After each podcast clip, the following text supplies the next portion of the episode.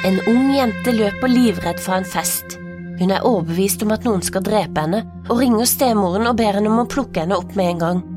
Stemoren kjører henne trygt hjem, men neste dag er den unge jenta sporløst forsvunnet. Dette er historien om Carly Gusset.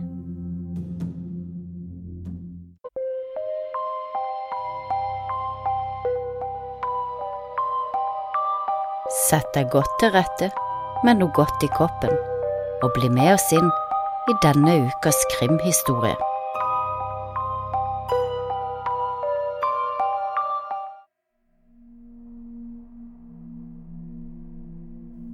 Fredag 12. oktober 2018 klokka 15.20 er det endelig helg, og Carly og kjæresten drar fra skolen og møter opp med noen venner for å røyke litt marihuana.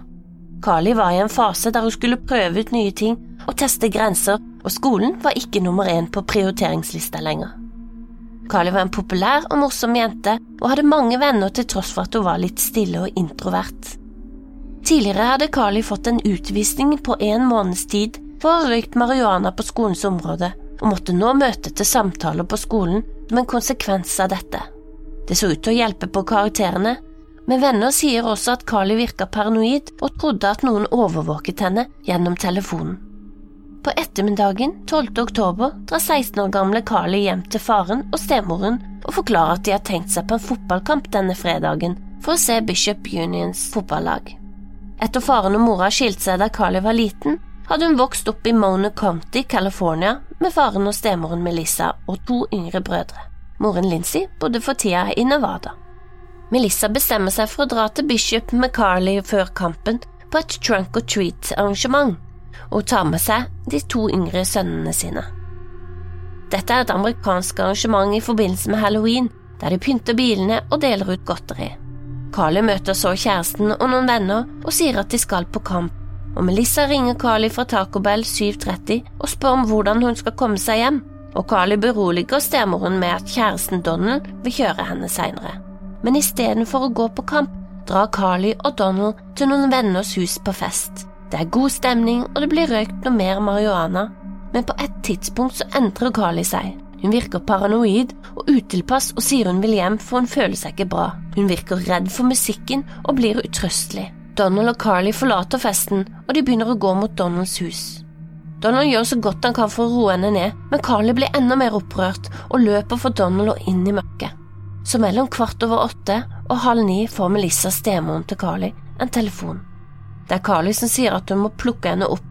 Melissa blir irritert for at hun har løyet om hvor hun er, men setter seg i bilen for å hente en oppkjørt av Carly. De mister etter hvert kontakten på telefonen, men når Melissa får dekning igjen, så er ikke Carly der hun skal plukke henne opp. Melissa kjører da videre og ser Carly løpe ned Dixon Lane, 1,6 km fra der hun var når hun først ringte. Melissa ser lyset av telefonen, og det ser ut som Carly løper for livet. Da Carly skjønner at det er stemoren som kommer, hopper hun rett inn i baksetet. Hun er livredd og hysterisk. Hun er redd for bilen, hun er redd for stemoren, og bytter seter helt til hun havner i forsetet. Der prøver hun å ta styret på bilen. Da hun endelig får henne hjem, sier Melissa at datteren var blek og hadde utvida pupiller. Faren som var hjemme da Melissa kom hjem med Carly, koste dem med øl, og ifølge han så var datteren frenetisk og gikk fra å si at hun elsket dem, til å være redd for både dem og telefonen sin.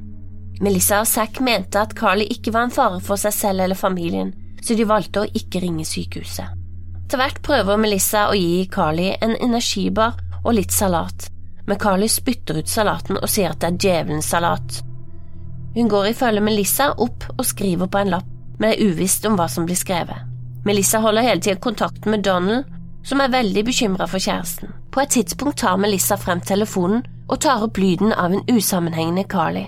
Hun sier i ettertid at hun tok opp lyden for å vise hvordan Carly hadde oppført seg, og for å lære henne å ikke ta dop mer.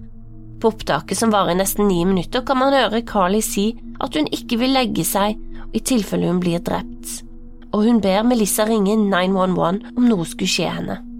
Melissa sier at hun legger seg med stedattera for å trygge henne. I Melissas første versjon om hva som skjedde måneden 13. oktober, sier hun at hun våkna i sin egen seng 5.45, som var hennes vanlige rutine med å få barna på skolen. Da hun svingte innom Carlys rom, så hun at sengen var tom og Carly borte. Zack hadde ikke sett Carly den morgenen, og de begynte å lete. I den andre versjonen sier Melissa at hun våknet så vidt 5.48 og så Carly lå ved siden av henne, våken, men så sovnet hun igjen. Da hun våknet mellom kvart over sju og halv åtte, var Carly borte og ytterdøra var på gløtt. Siden har ingen sett henne. Melissa og faren Zack tenker først at hun har gått ut, men siden natten hadde vært som den var, så hopper de inn i bilen og kjører rundt for å se om de kan finne henne. Da de ikke kan se henne, ringer de den biologiske moren til Carly Lindsay. Like etter blir politiet ringt, og Melissa begynner med en av flere livesendinger på Facebook og Instagram. Hey everyone, this is Melissa Gousset. Um, I'm posting on Instagram now. Um, my 16 year old daughter, Carly Gousset, has been missing since Saturday, October 13th at 7.30 in the morning from White Mountain Estates by Bishop, California. She is 5'7", 16 years old, blue eyes, blonde hair that comes to mid-waist by her belly button, very skinny. She was seen with a white t-shirt and sweatpants walking towards Highway 6. Det som var urovekkende, var at Carlys telefon, briller og penger ble liggende igjen, og Carly ville aldri frivillig gått fra telefonen sin. Melissa påsto at den lå på kjøkkenet hele tida, mens Donald, som kom over så fort han kunne, kunne sverge på at han så den på soverommet. Når politiet begynner å undersøke, kom det frem at tre vitner har sett henne. Den ene er pensjonert politi, den andre en lærer og den tredje en tømrer. De to første kjente Carly, og politiet satte stor lit til vitnet. Richard Eddy satt i boblebadet og nøt morgenkaffen rundt 6.30, 6.45 da han så Carly. She was looking up, looking around at the sky, with a piece of paper in her hand. It was kind of unusual, we don't have a lot of kids out walking. Kenneth Dutton bodde like nede i gata og mener at han også så Carly med et papir i hånda. Det tredje vitnet mente at han så Carly gå mot riksvei 6. I de første livesendingene på Facebook beskriver Melissa at Carly hadde forlatt hjemmet i T-skjorte og skinny jeans. Men da vitnene kom frem, ble det endret til joggebukse. I et intervju med Nancy Grace sier hun at hun sist så Carly i en T-skjorte og underbukse, og at hun bare tippet på at Carly hadde tatt på seg skinny jeans da hun forsvant. Lindsay, moren til Carly, tviler på Zack og Melissas forklaring, og det hele topper seg et Dr. Phil-intervju. Da nekter hun å være i samme rom som dem. Første gang da de var på Dr. Phil, snakker de om lydopptakene. I, I wanted to hear that tape, but uh, you didn't let us hear that tape. Tell me why. I, I. It's an ongoing investigation still. This is The FBI have it, the sheriffs have it. It's not gonna. I don't think it's gonna solve the mystery of where she is. Well, you don't know. You don't know what I might know or what I might not know. I, I'm. I, I- I would very much have liked to have heard that tape. I, is there a reason that I didn't hear that tape? Nobody No. asked. no. No. Did anybody ask us? I don't even think oh, anybody Oh, we really asked. De blir så invitert tilbake, og nå har Dr. Phil fått høre opptakene. As I said, it, this was a mind-altering drug. Somebody had laced that marijuana, or that wasn't just a meth head talking. There was more to it than that. Um, and it would be interesting to know where that came from. And it, because of her degree of paranoia, it makes perfect sense to me um, that she would flee if she flees and gets to a highway and gets picked up, um, as much as you hate to think about it or say it, um, there aren't a bunch of Boy Scouts necessarily on that highway, uh, which is good news and bad news. Uh, the bad news is she might well have been picked up, and the good news is they're not usually picked up to be killed uh, which means to be sold. It could be picked up and forced into the sex trade or something that, Dad, I know you don't want to think about, but it could mean that she's alive. Ettertid hyrer Lindsay en privatetterforsker for å se på saken. Han har kritisert politiet og sagt de skulle undersøkt sengetøyet Carly lå i, og også familiens bil.